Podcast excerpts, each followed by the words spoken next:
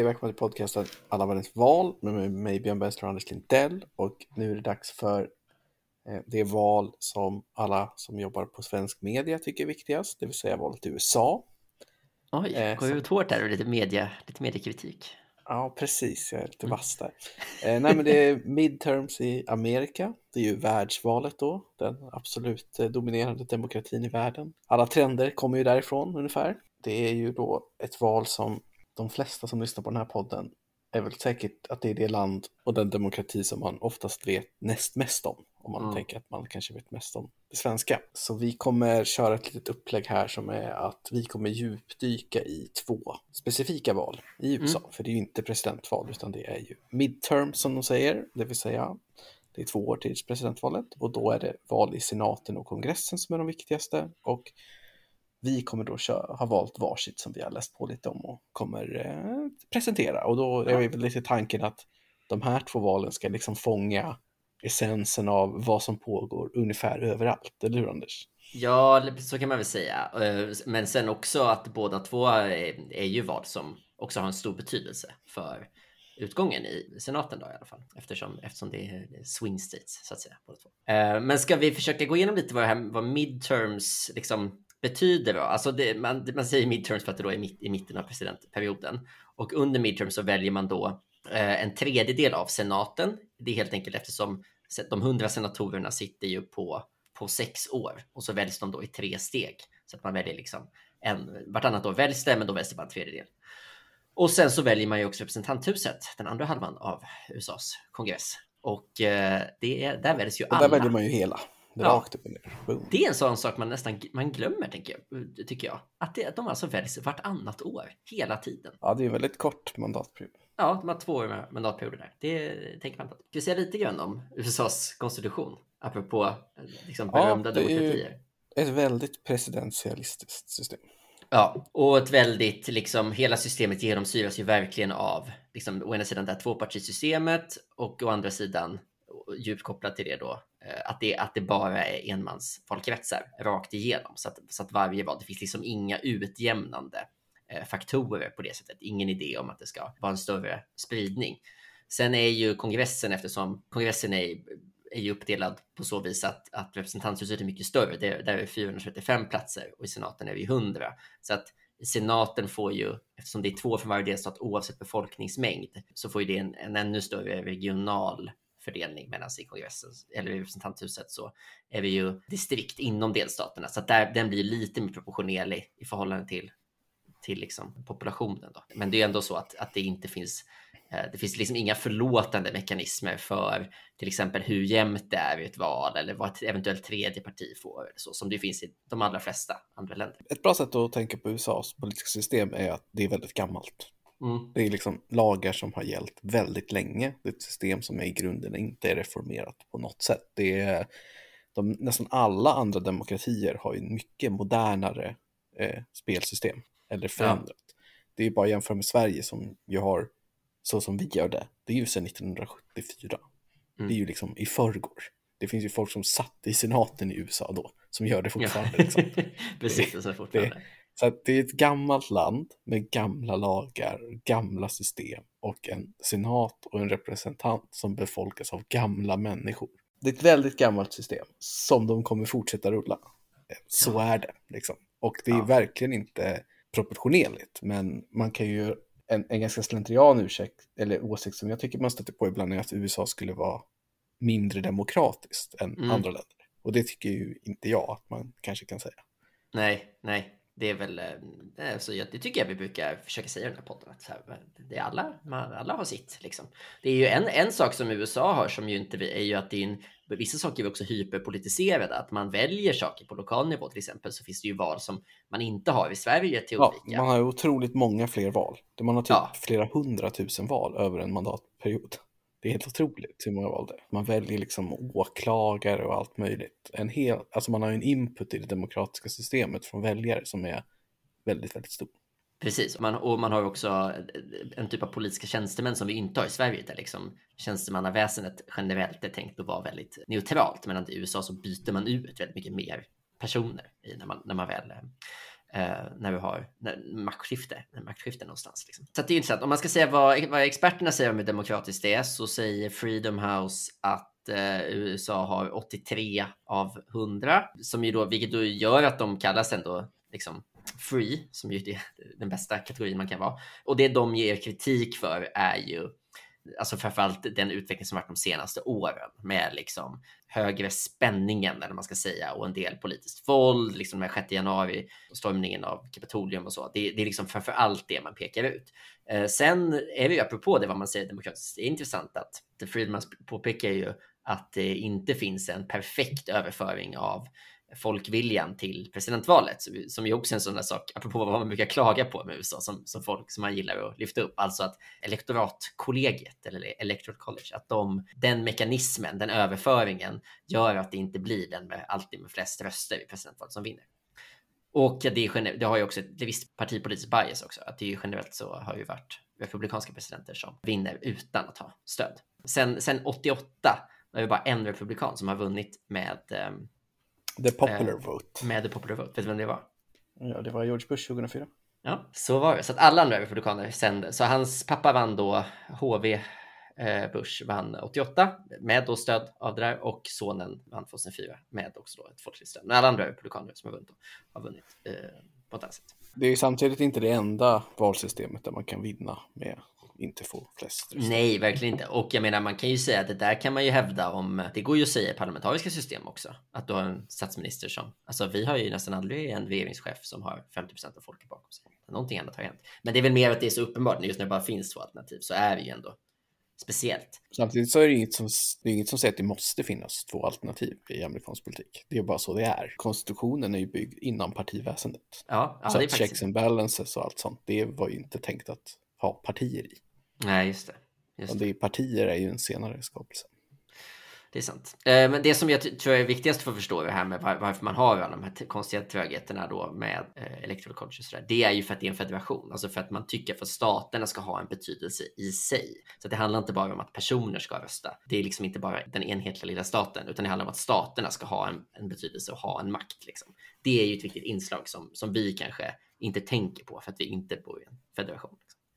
Det är också just det med att det är gammalt. Jag menar tanken bakom den amerikanska demokratin är ju att staten är en äh, negativ aktör i grunden. Ja, så den ska det. inte kunna göra massa saker mot individer, utan systemet ska vara långsamt med många vetopunkter, med begränsad makt och så vidare. Liksom. Alltså, tanken är inte att ha en så effektiv förverkligande av någon slags folkvilja som möjligt. Det har aldrig varit idén. Just det. Ja, men eh, den folkviljan vi ska förhålla oss till här är alltså eh, alla de här valen. Så det är 435 val till eh, representanthuset.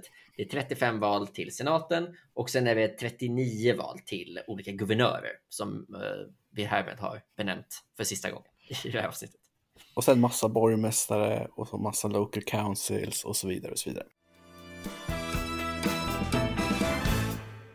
Ska vi göra ett litet svep då, Anders, innan vi går in på våra två val? Eh, mm. Anders kommer prata om eh, senatorsvalet i Pennsylvania. Jag kommer prata om Georgias senatsval. Mm. Så bara hur ligger landet politiskt sedan 2020? Vad har hänt mm. sen sist liksom? Vilka frågor dominerar? Har liksom, vad är grejen? Jag tycker att det som är viktigt att prata om är att det är så jämnt, men det är kanske inte det du, du far efter. Men det känns ju som att det finns väl överlag en jättestor diskussion liksom bara inom partierna om vad de överhuvudtaget håller på med som är intressant. Det handlar ju mycket om Trump som mm. inte står på valet idag och BBC hade gått igenom att 35 procent av alla republikaner som har, är kandidater nu, eh, de 35 procent är alltså deniers av eh, valet 2020, mm. hävdar att Joe Biden då är en olagligt sittande president. Mm. 35 procent, det är ett väldigt högt, det är en väldigt viktig, stor fråga. Eh, som liksom, och, och, den här demokratival, Trump, metafrågan överskuggar ju nästan allt annat. Även ja. om det såklart finns sakfrågor som är viktigare för väldigt många väljare, inflation och bränslepriser och sådär, så är väl min bild att det är liksom, Trump är inte längre president, men han är fortfarande den individ med mest politisk eh, effekt. Mm. Och, och just det där att det, blir, det, har varit, det finns massa liksom primärval runt om i landet där, där liksom eh, vad ska man säga, mer moderata republikaner utmanas av liksom Trump-falangen. Så det pågår en ganska stor liksom, strid om makten inom republikanerna, tycker jag man märker också. Och där säger du väl något intressant just med moderata, att en metatrend i amerikansk politik är ju att eh, Demokraterna går åt vänster och Republikanerna går åt höger. Precis, och det är lite det, det kommer jag prata lite om sen också. Men, men precis, jag tänkte också komma till det, att det där, det, samma debatt finns i, i Demokraterna. Som, det känns som att Demokraterna ligger liksom tio år efter Republikanerna bara i vad som, hur, hur de eh, förhåller sig till sig själva. Det finns liksom någon slags trötthet på liksom, vad man tolkar som ett, ett liksom gammalt och för försiktigt liksom garde som styr. Och så medan liksom medlemmarna och de registrerade demokratiska väljarna är ganska taggade på andra typer av kandidater. Alltså de som sitter och styr, nu ska vi inte gå in på det, mm. men de ledande demokraterna, Joe Biden, Nancy Pelosi, mm. Chuck Schumer, alltså det är så otroligt gamla människor. Ja. De ledande demokraterna i kongressen, de är liksom långt över 75, hela hög. Det är liksom folk som har varit i pension i tio år i Sverige som sitter och bara sitter på... Jag tror att snitten för senatorerna, eller om det är ledande, det är tio år äldre, demokraterna än republikanerna. Republikanerna är lite mer så här, du vet, de byter ut folk. I mycket högre Ja, just det, det är intressant, precis. Medan demokraterna har mycket mer stagnerat. Um, ja. Nej men precis, vi har ju eh, Barbro Westerholm som är över 80 i svenska, i svenska riksdagen som ju liksom är känd för det. Där hade hon fortfarande stått på tillväxt liksom. Ja precis. Alltså hon sitter väl inte i riksdagen längre? Ja skitsamma. Nej, ja, hon gör inte längre. Hon, hon drog. Hon drog. Det hade, aldrig, det hade hon aldrig gjort om hon hade suttit i riksdagen. Det hade aldrig Diane Feilstein som är eh, Demokraternas eh, senator från Kalifornien gjort. Hon är svingammal. Ja. Eh, men ska vi gå in på våra val då? Ska jag ja. börja eller vad säger du? Hemskt gärna. Jag har, inte, jag har ju aktivt inte läst på heller nu om, om Georgia, bara för att få... Nej, men då ska vi snacka Georgias senatsval. Ja. Och jag har valt det här. Jag filade mellan tre. Det fanns liksom väldigt hipstriga valet som var mm det är ett borgmästarval i Portland. mm. Portland ligger ju då som, kanske vissa vet, i Oregon.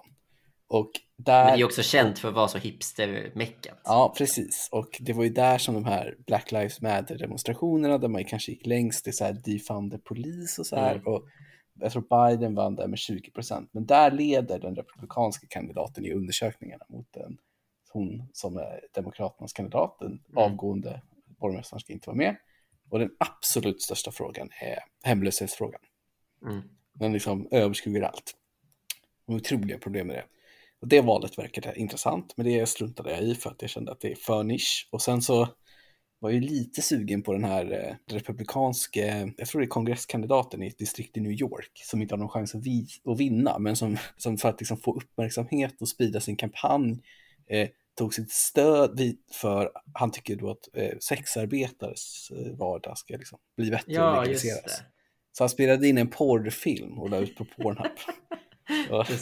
Ja. Men eh, då kände jag ändå, nej det här går inte, utan jag får ta någonting av det som är snackas om och är viktigt och då landade det in i Georgia. Jag ville mm. egentligen inte det, men det var oundvikligt att det blev så för, ja, vad ska man säga, vansinnet som är amerikansk politik är så tydlig här. Att mm. Det går inte att inte se det. Så i alla fall då, Georgia, de var väldigt aktuella för två år sedan kanske någon av er sitter och tänker. Jo, jo, så var det. Det var nämligen två stycken senatorsval i Georgia för två år sedan. Ett var ett ordinarie val och ett var ett special election för att eh, senatorn hade avgått. Eh, han hade ju blivit minister i Trumps eh, regering såklart, fått sparken av Trump. Lång historia kort.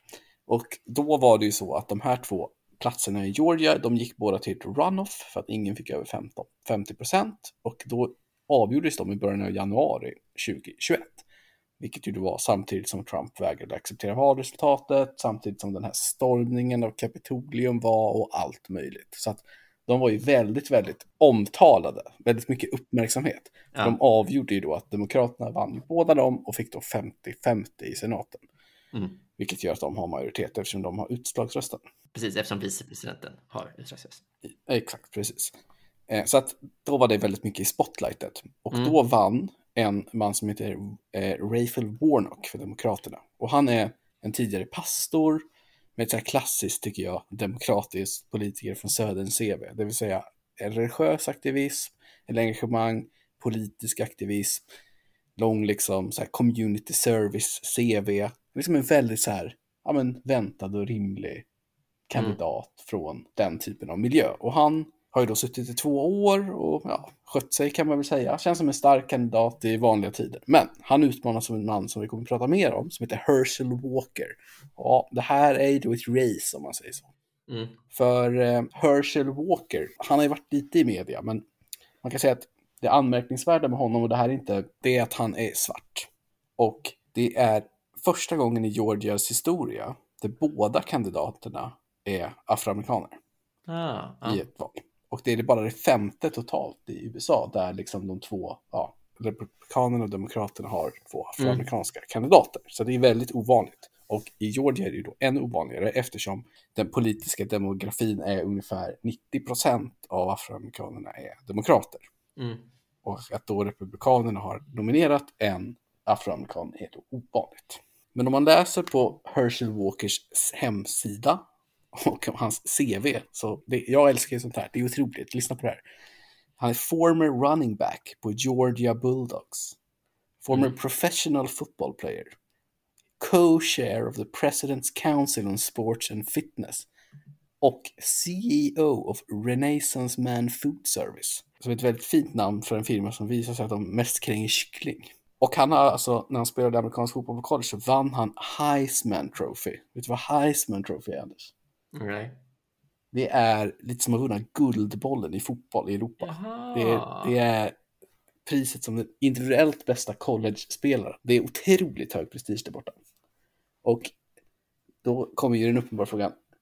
Vem är den kändaste personen som har vunnit Heisman Trophy, Anders? Uh, jag vet inte. O.J. Ah, O.J. Simpson. Ja, såklart. Jag tror han har den i alla fall. Jag, ska inte, jag, sett, jag är 90 på det. Ja. Eh, du vet inte? Nej, men jag får med att eh, O.J. var ju en enorm idrottsstjärna. Skitsamma. Eh, ja. Men i alla fall, det är liksom Herschel Walker. Så att han var jättestor favorit till att vinna nomineringen. Han har ju inte gjort något politiskt innan det här kan man då säga. Det är hans första politiska campaign. Han var jättestor favorit att vinna nomineringen. Och han skippade alla debatter ledde i alla ledmätningar och plockade hem 68 procent av rösterna. Och jo, varför är ju då den här personen som inte har gjort politik förut, inte bott i Georgia på typ 25 år, utan mm. flyttade hit för det här valet. Varför vann han det? Jo, för att han är Donald Trumps kandidat. Och hans politiska karriär tog fart 2016 när han var en tidig endorser av Trump och 2020 talade han på den republikanska konventet för Trumps räkning och liksom gjorde hela den grejen. Och Trump gav han den här jobbet i The President's Council of Fitness. Liksom. Mm. Och det är också Trump som har uppmuntrat Walker, enligt Walker då, att köra till senaten 2022. Och Walker flyttade då tillbaks till Georgia från Texas. Trump har så otroligt stort inflytande hos gräsrötterna att mm. det här fick att andra starka kandidater inte ställa upp så att det blev liksom en enkel seger för Walker i primärvalet. Trots då att han egentligen inte har bott i Georgia på länge, att han inte har gjort något politiskt och att han har lite stökigt business-CV och han har flera anklagelser om domestic abuse så tog han såklart snabbt ledningen i opinionsundersökningen. Och i oktober fick han ett endorsement av Mitch McConnell också, som är den starke mannen i senaten för Republikanerna och kan väl då presentera någon slags, inte riktigt Trump kanske, vinge av partiet. Så det betyder att han har stöd liksom från båda benen, så att han ser ut som en stark kandidat. Och ja, sen dess har det gått sådär kan man tycka från läktaren, för som många som kommer nya till politik så har det ju blivit det som man i USA kallar för en gaffel, eller hur? När man liksom säger något eh, som inte låter så bra eller fel och man får dra tillbaka den. Joe Biden är ju en, en klassisk sån. Han, mm. liksom, lite, lite fel ibland. Och Walker har gjort många sådana under den här. Bland annat han hävdat att han har jobbat inom law enforcement, alltså polis. Mm. Men det visade sig att han var en honorary deputy sheriff i Cobb County, det vill säga typ liksom, alltså, ja, en hederspolis. Men om man ska titta på hans politiska, liksom vart han står, så är det lite svårt för att många av Trump själv och Trumps kandidater är ju ofta ganska så här, de är inte så politiska. Han är emot abort, vi kommer återkomma till detta. På frågan om Biden vann presidentvalet 2020 så har han no clue om det var legal eller inte. Ja. Han är mycket skeptisk till globala uppvärmningen och politik kring det. Han ska ha sagt att han är emot det because a lot of money is going to trees. Don't we have enough trees around here? det är det bästa. Såklart är han pro-business. Mm. Mindre reglering liksom och sådär. Eh, såklart är han anti-LGBT-grejerna, utan att liksom, du vet, då fokuserar man ju jättemycket på det här med transidrottares vara eller icke vara i idrotts... Det blir mm. liksom ja, käpphäften för att liksom, ta sig in och vara emot dem. Och han tycker att homoäktenskap ska vara en states right-fråga, det vill säga att delstaterna ska få bestämma om det och eh, det betyder ju inom parentes att han är emot det. Mm.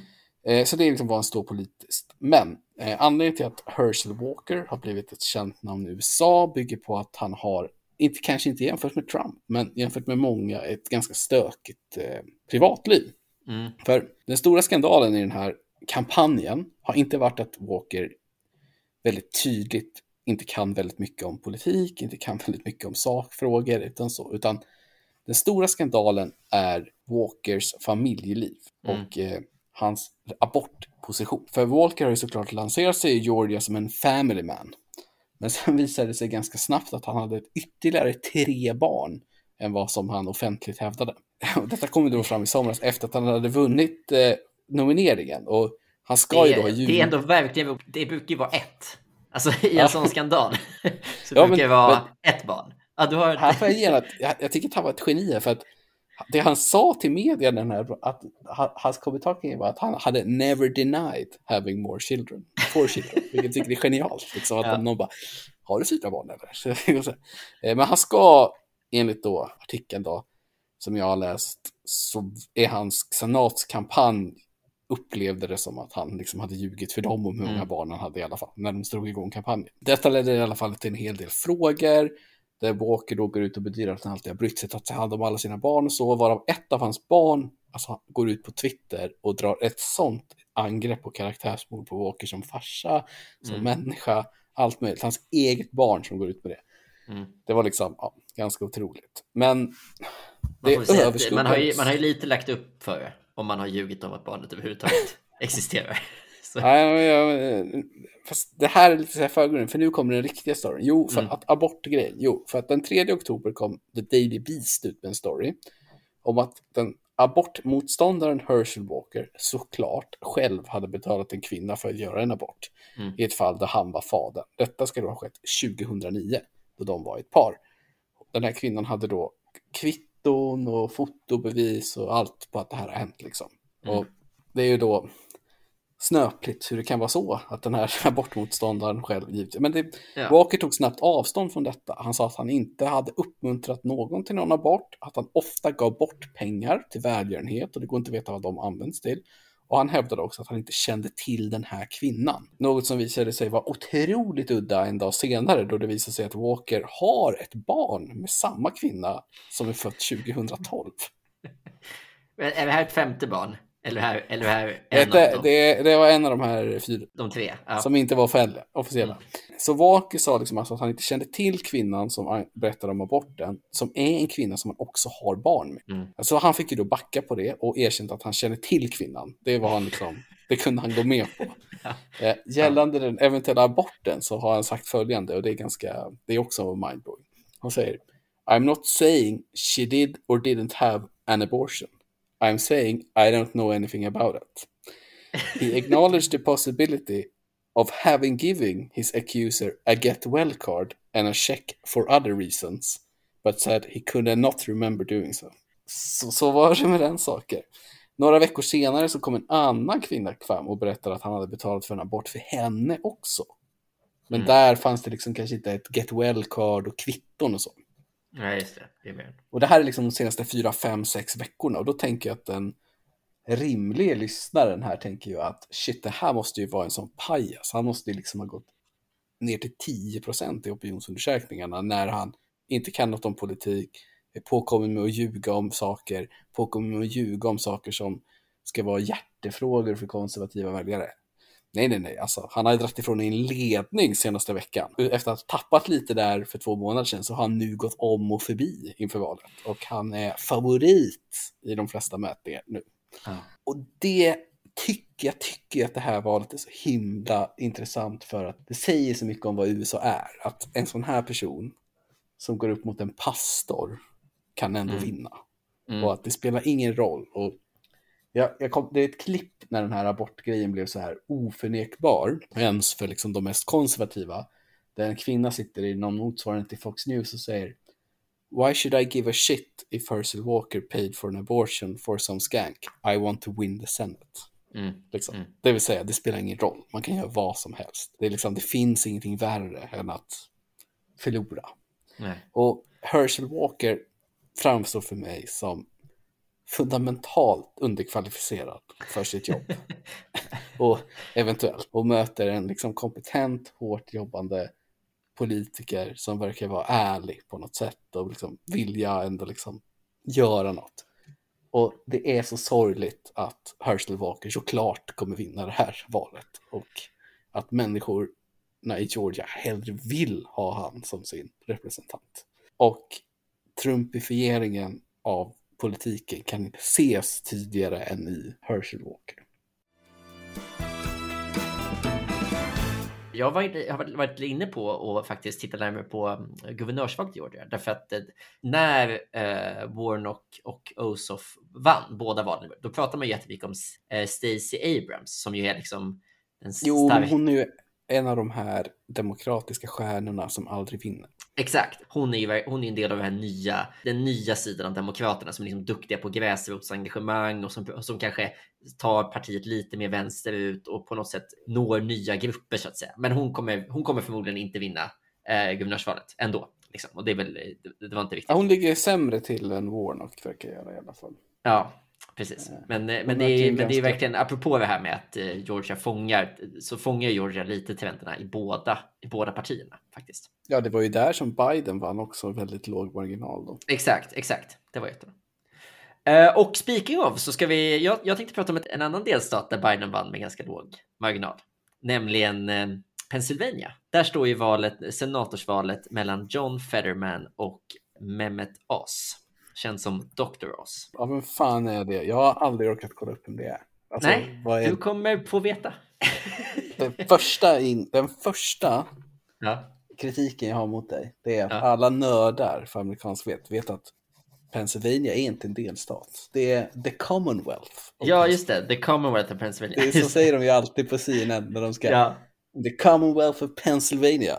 Och hon bara, det är, det är pretto alltså. Ja, och det är också därför som de har, eh, jag tror att inte alla har ju inte heller positionen Lieutenant Governor, som ju är det som är liksom vice guvernören.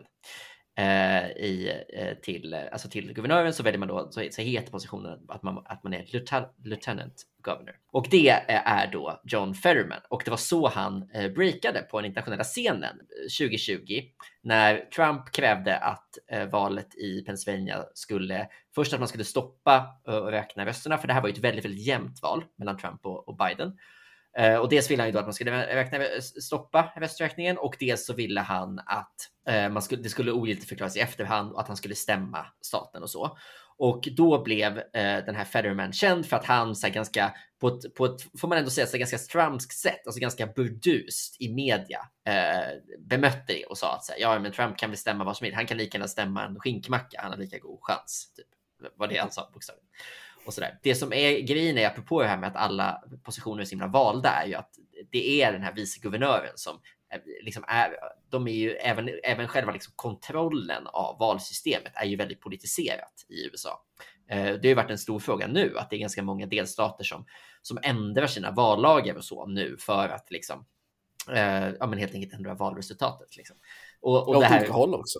De republikanska gör det lättare att fuska. Och, eller ja, de säger att de gör valen säkrare genom att göra det på sitt sätt. Och många demokratiska delstater går åt andra hållet. Ja, precis. Och sen så finns det ju en, en grundläggande liksom, eh, dynamik som är att ju lättare det är att rösta, ju lättare det är att poströsta, ju längre vallokalen är öppet, ju liksom, lägre krav det är att registrera sig, desto lättare är det för Demokraterna att vinna. Och ju svårare, desto eh, större chanser för Republikanerna att vinna. Så att båda partierna är också medvetna om vad varje förändring kommer leda till för resultat. Men i alla fall, det, det är John Fetterman, eh, liksom, det är så han, han kom ut på scenen. Men han började ju som eh, någonting annat och det var här jag vill prata lite om det här med som hände med i partierna. Därför att eh, John Fetterman är också en gammal eh, fotbollsspelare, inte på samma, alltså amerikansk fotboll, inte på samma nivå, men man ser det verkligen på honom. Därför att Fetterman är liksom över två meter lång och vä- har liksom nyligen varit uppe och vänt på 200 kilo i storlek. Så det är liksom en enorm man som också gärna klär sig i så här, påtagligt informella kläder. Han kanske har ett par så här halvlånga byxor och en stor hoodie, även i väldigt formella sammanhang. Det här, och det är liksom inte obetydligt i förhållande till hans politiska agenda, för att, därför att Federman har alltid stått ganska långt eh, till vänster och varit ganska mycket en gräsrotskandidat. Eh, och han kandiderade till senaten för, för fyra år sedan också och kom då liksom trea i primärvalet i Pennsylvania. Så han var liksom inte ens nära att vinna den gången och har liksom inte fått så mycket, aldrig fått så mycket endorsements eller så. Och det fick han inte den här gången heller i det här, i det här eh, primärvalet heller, utan där fick han, han fick betydligt mindre än, än flera av de liksom Eh, andra demokraterna som kandiderade om man, om man tar liksom tyngre spelare och så. Och trots det så eh, vann Federman. Eh, han fick nästan 60 procent av rösterna i primärvalet och han vann i varenda distrikt, alltså county i Pennsylvania i, i primärvalet. Så att en extremt stark position och, kan, och fångar då verkligen den här trenden av att liksom steg till vänster. Och i alla de här frågorna, så här, både hbtq-frågor men också så här legalisering av marijuana och så, så har han varit en liksom Eh, som ju är, är, viktiga frågor för vänsterfalangen i Demokraterna, så har han ju varit eh, liksom en väldigt tydlig förkämpe. Så att det, han kommer från det hållet väldigt tydligt och, och fångar upp den falangen kan man säga. Och i det här valet då så kommer han möta då Dr. Oz som jag ska berätta för. Så att du äntligen får veta eh, vem det är. För Dr. Oz, han har ingen politisk eh, erfarenhet egentligen.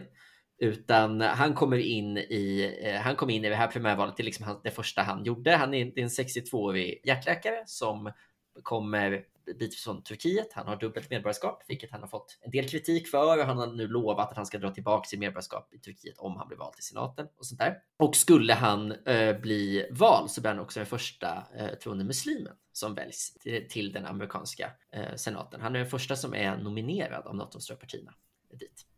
Så att allt det här låter ju, det låter ju intressant och det låter ju som en typ av kandidat kanske. Men det här är också alltså en Trump-kandidat. Eh, det var så Dr. Oz vann primärvalet. Det var genom stöd från Trump. Och Trump har motiverat sitt stöd med att han tror att Dr. Oz kan vinna många kvinnor. Och vet du varför han tror det? Nej, jag har ingen aning. Nej, det är, därför, det är för att Dr. Oz är känd för den amerikanska publiken som tv-doktor. Han blev liksom känd som eh, liksom deras version av eh, Fråga doktorn helt enkelt. Det, och, och, den showen, The Dr. Oz Show, tittar väldigt mycket kvinnor på. Det var också en viktig, ett viktigt besök när man höll på och pratade mycket om Trumps eh, hälsa i presidentvalskampanjen 2016. För det var, du vet, han, han visade inte sina health records och så, det var en grej. Då gjorde Dr. Oz liksom on air någon slags lite så eh, halvhjärtad bedömning. Han till exempel gravt undervärderade Trumps vikt till exempel eh, för att beskriva hur hälsosam han är. Så att det finns ett litet Eh, det, finns ett, det, finns en relation mellan dem som går way back. Och man kan säga att The Dr. Oz Show... Trump gillar ju tv, så klart han gillar en tv-läkare. Ja, han älskar en tv-läkare och särskilt en tv-läkare som kan, som kan överdriva hur frisk och stark Trump är när det är viktigt för Trumps presidentvalskampanj. Eh, den här eh, tv-showen då har ju fått väldigt mycket kritik eh, på själva läkardelen av den. Jag såg ett, ett citat här från The British Medical Journal Eh, som 2014 gjorde en studie på just den här typen av tv-läkare där man använde Dr. Oz show som exempel. De skrev less than half the claims made on the Dr. Oz show were backed by some evidence and it fell to a third when the threshold was raised to believable evidence. Så alltså... vilka, vilka evidens är det som faller däremellan undrar man ju direkt. Liksom. Ja, men det, det, finns överhuvudtaget någon slags, för hälften av det han säger finns det överhuvudtaget någon slags liksom, medicinsk vetenskap bakom. Men eh, bara för en tredjedel så är det en trovärdiga bevis för att det också stämmer. Så, att, så att det är liksom Dr. Ross bakgrund helt enkelt. Uh, och han, men när han väl kom in i politiken så är han liksom inte, han har inte gjort sig så himla, han, har, alltså han har inte drivit en särskilt extrem agenda, utan Dr. Oz kommer snarare in och är liksom eh, liksom en charmig, eh, liksom med amerikanska mått mätt smakfullt plastikopererad 62-årig läkare. Liksom. Han ser fan fitt ut. Ja, han är liksom, han är liksom, han är inte en extrem kandidat på det sättet. Han kommer inte in från, från det, utan han är snarare extrem i att han är liksom en skojare liksom från tv. Men han är inte, men han har inte tagit liksom, han är inte Trump politiskt på det sättet. Och jag tittade i korta delar på en debatt mellan de här två kandidaterna Eh, och där var liksom, eh, han, hans framtoning är trots allt liksom ganska mild, medan Fetterman mycket mer är eh, liksom dundrar på. Liksom. Och Federman har haft en, en attityd mot Dr. Oz som handlar väldigt mycket om att liksom måla ut honom som en, en skojare, som en miljardär, som liksom, och som en person som inte kommer från eh, Pennsylvania, vilket han faktiskt inte gör heller. Han flyttade dit 2020 den debatten mellan de två blev ju väldigt omtalad. Ja, precis. Och den blev omtalad och det var därför som jag eh, ofint nog nämnde eh, John Federmans eh, vikt eh, förut. Därför att hans hälsa har varit en stor fråga i debatten. Därför att han fick en stroke i maj. Så att när han vann det demokratiska primärvalet, då, var inte, då kunde inte ens han, han hålla sitt tacktal själv, utan det gjorde hans eh, fru åt honom. Och sen har liksom hela sommaren handlat om att han ska återhämta sig från den här stroken. Det är ju jätteuppenbart att han inte har återhämtat sig. Den här debatten var ju väldigt omtalad för att det är tydligt att, alltså, att han lider av stroke. -symptom. Verkligen.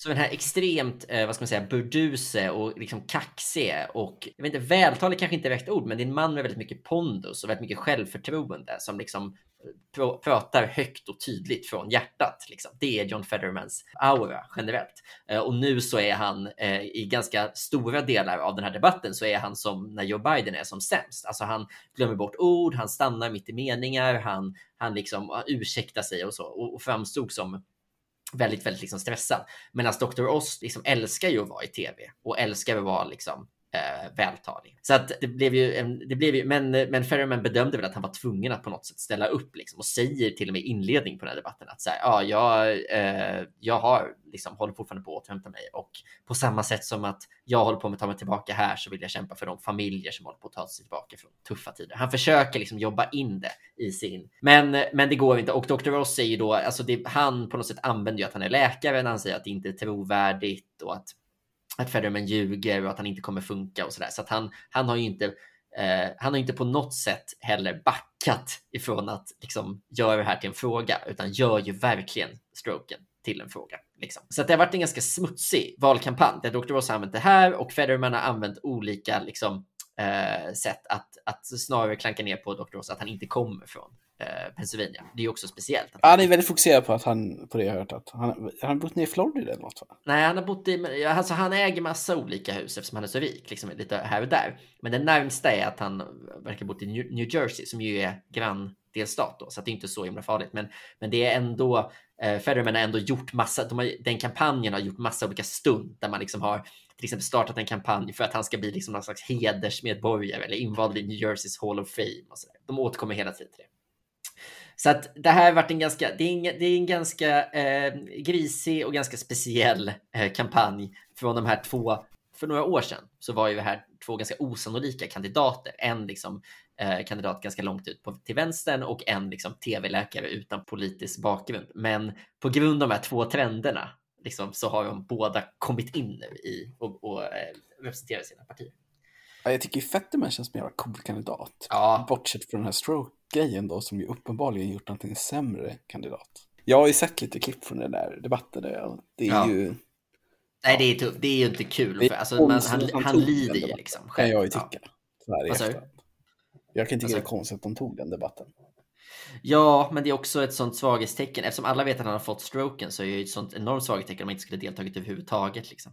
Ja. ja. Nej, det är damned if you do, don't damned if you do liksom. Ja, eh, det ser ändå Men visst var det där oss sa också att ett, ett abortbeslut ska vara between the mother, a doctor and a local politician. jag vet faktiskt inte om han sa det. Jag vet att Federman har sagt det om, om oss. Jag tror att det alltså, är ett citat. Att det är citat från honom? Ja, ja, det, det, ja. det missade jag i så fall. Men, men precis, det är ju verkligen en, det är ju hans svaga punkt, liksom eh, politiskt kan man säga. Alltså Pennsylvania är ju ändå, du vinner ju inte ett val i Pennsylvania nödvändigtvis genom att vara antiabortmotståndare. Liksom. Och det man faktiskt inte heller, som har varit svårt för Federman eftersom han tillhör den progressiva falangen av Demokraterna, är att man inte heller vinner i Pennsylvania om man är emot fracking det har varit ett, börda för honom eftersom han var så pro Bernie Sanders såklart. Men Bernie Sanders är väldigt emot fracking och fracking är en del av liksom, energiförsörjningen i Pennsylvania. Så att där har blivit, eh, har Federman behövt göra en annan typ av, typ av vändning. Liksom. Efter den här debatten så har ju folk menat då att det kommer bli jämnare och jämnare. Eh, men Fetterman leder fortfarande. Och... Det ser väldigt jämnt ut va? Ja, precis. 538 som ju Ja. är nördsajten. Så Ja, är det 53 mot 47. jag stod någonstans eh, 48 till 43. Ja, men det blir ungefär samma då. Ja, men de räknar ju sannolikheter. Ja, just det. Just det. Att det är 53 av 47, men då har ju oss gått uppåt från han låg, Fetterman har jätteledning enligt dem i september och oktober. Så att han har tajtat till racet oss. Ja, men verkligen enorm. Alltså, och han, han spöade ju verkligen oss hela tiden och oss hade ju också väldigt svårt att komma ut. Liksom. Så att, eh, ja, vi får se där. Men jag tycker att eh, även det här valet, eh, förutom den här stroken som ju ställer till dynamiken väldigt mycket, så eh, tycker jag valet verkligen fångar rörelsen. I, Men vad får det för bild av oss? Alltså, varför vill han det här? Ja, det är en väldigt bra fråga. Men alltså, jag kan ju tipsa. Det finns en Wikipedia-sida som heter Medical Claims on the Dr. Oz Show. som är väldigt rolig. Alltså, bara rubrikerna är liksom kul. För att liksom, det, det handlar om alla de här vansinniga sakerna han sagt. Det är väl en person, alltså det är väl på ett sätt en lite samma som Trump. Vad ville Donald Trump egentligen? Personer som är liksom rika och framgångsrika och mycket uppmärksamhet och som bara vill fortsätta synas. Jo, jo, men bli president är väl en sak, men att bli liksom, senator från Pennsylvania, det är ju... Ja. Jag ska inte säga att det är samma. Trump hade aldrig velat bli senator från Pennsylvania, det, det får man ju säga i hans försvar. Nej, det får man i och för sig säga. Det är sant. Men är, han, är väl en, han är väl en lite mildare ver- version av Trump då? Han, han nöjer sig Men det. liksom ändå har... Jag kan ju förstå varför Fetterman vill bli senator. Ja, han är ju mycket med ett politiskt djur. Liksom. Eller varför liksom en vanlig, generell, makthungrig republikansk dude vill bli det. Men jag har svårt, jag fattar inte oss liksom. Jag förstår inte why, why he's in it riktigt. Nej, det, det är faktiskt, eh, det, det håller jag med om. Det är lite svårt. Han behöver inte pengarna. Han behöver inte, han har ett sätt att synas. Men ja, Hur tror du det går då? Vad säger du? Vad säger, ja, vi kan börja med liksom ditt race här. jag tror att, eh, jag tror Federman håller ifrån och. Kommer du heja på honom? Ah, Ja, men det tycker jag. Det, det sticker ut hakan. Det var och lite, kul om du kom ut som Dr. Oss. Ja, ja, ja nej, men jag tycker, jag tycker det är med, med Fetterman. Får se. Ja, det vore kul också att se honom bara föra sig i, i kongressen. Han, Dr. Oz skulle ju ha det lättare att smälta in. Jag tror att om Fetterman skulle vinna så skulle han bli ett problem för Demokraterna i senat. Han hade, känns inte som en kandidat som hade gått med på att göra som man beter sig. Nej, säger vi. Ska vi runda av och bara titta på opinionsläget totalt då? Ja, precis. Om vi då tittar på prognoserna så säger ju det mesta att Republikanerna kommer vinna kongressen. Ta, ta det, det är frågan hur många. I alla projections, jag har inte sett en enda projection där Demokraterna vinner. Nej. Och det, anledningen till att det går dåligt för Demokraterna är ju mycket inflation, tror jag. Liksom. Mm. Eh, senaten ser också ut att tas av eh, Republikanerna. Och helt ärligt så verkar nästan den största frågan vara om, om Republikanerna lyckas vinna tre race. Så de tar Pennsylvania, de tar Georgia och de tar något mer och kommer upp till 53. Då har de Mm. slagläge på att ta sju till om två år. För det är liksom dålig karta för Ja, Demokraterna. Då. Då kan de vinna presidentvalet och få 60 senatorer. Mm. Så det är liksom, det. Demokraternas mål är, okej, ja visst, att hålla absolut, men också att inte släppa upp Republikanerna på 53. Man kan ju säga något generellt om opinionsundersökningarna i USA, att de varit jättedåliga lately. De hade jättemycket fel 2016, jättemycket fel 2020 och typ att när du läser en opinionsundersökning, lägg på två plus på Republikanerna har blivit någon slags sanning där ute. Vilket ju gör att om. Republikanerna dessutom leder nu, så ja. Men det kanske slår åt andra hållet om man underskattar Demokraterna med 2% och då är det ju helt plötsligt Demokraterna som kommer vinna. Så att nej, för att man kan ju säga att, kanske du vet bättre än mig Anders, men det här med Roe v. Wade och abortfrågan, den har ju ändå mobiliserat väljare för Demokraterna på ett sätt som har varit intressant. Det var liksom en folkomröstning om abort i Oklahoma för ett tag sedan, där liksom eh, Mm. nej-sidan vann stort. Oväntat. Mm. Precis. På något sätt så har man ju tänkt sig, snacket var ju mycket att, så här, att det blir en politisk fråga. För det här är en fråga som har varit liksom, vad ska man säga, dödad av domstolsväsendet, som det blir i USA ibland.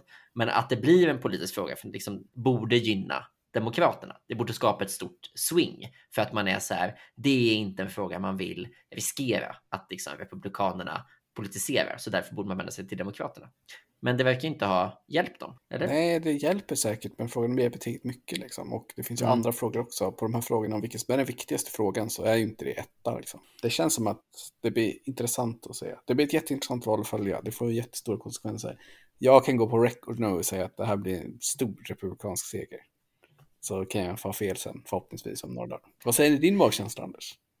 Ja, men jag, jag, tror väl absolut att det blir det. I, eh, men min magkänsla är att det kan vara kanske jämnt, att det kanske kan fortsätta vara jämnt uh, i, i eh, senaten. Det, det, är också något som är kul med det, att så här, där det är jämnt nu fortsätter vara jämnt och så, så att där Demokraterna leder i, i representanthuset, där kan det svinga. Det är ju lite, det är ju konstigt att det blir så, men ja, det tror jag kan hända. Ändå. Det här är ju första valet med den nya så här, de gör ju, var tionde år räknar de ju människorna i USA och gör om Just hur många, det, precis. Mm. Hur många platser alla delstater har och sådär. Och vilka distrikt som finns. Och det här är då första valet på den nya kartan. Så mm. det kommer ha vissa effekter också att man har liksom gjort. Och det, det finns ju en väldigt stark trend att, som kallas för gerrymandering. Att man liksom mm. drar fördelaktiga distrikt. Och den har, fortsätter ju liksom. Ja, vi får se. Eh, jag tror inte vi nämnde när valet är. Det är ju alltid val i USA den första tisdagen efter den första november. Och då blir det alltså i år den 8 eh, november, alltså nu på tisdag. Så är det val. Kommer du sitta och titta på valvaka? Nej, nej, det kommer jag inte. Det där kollar på morgonen. Jag tycker det blir så. Kommer du sitta upp eller? Jag brukar göra det. Eh, men ja, vi får se. Ja, eh, vilket eh, val är nästa för oss då? Du, bra, det måste vi, vänta. Jag tror att det är val i Bahrain som är nästa val. Det är ett land vi inte vet så mycket om, får man säga. Nej, det blir spännande. Ja, men det är ganska snart. Så om vi inte hinner det så blir det Kazakstan istället. Och där har det hänt mycket. Verkligen. Ja, det låter ju roligare. Vi får se i alla fall på återseende. Det gör vi.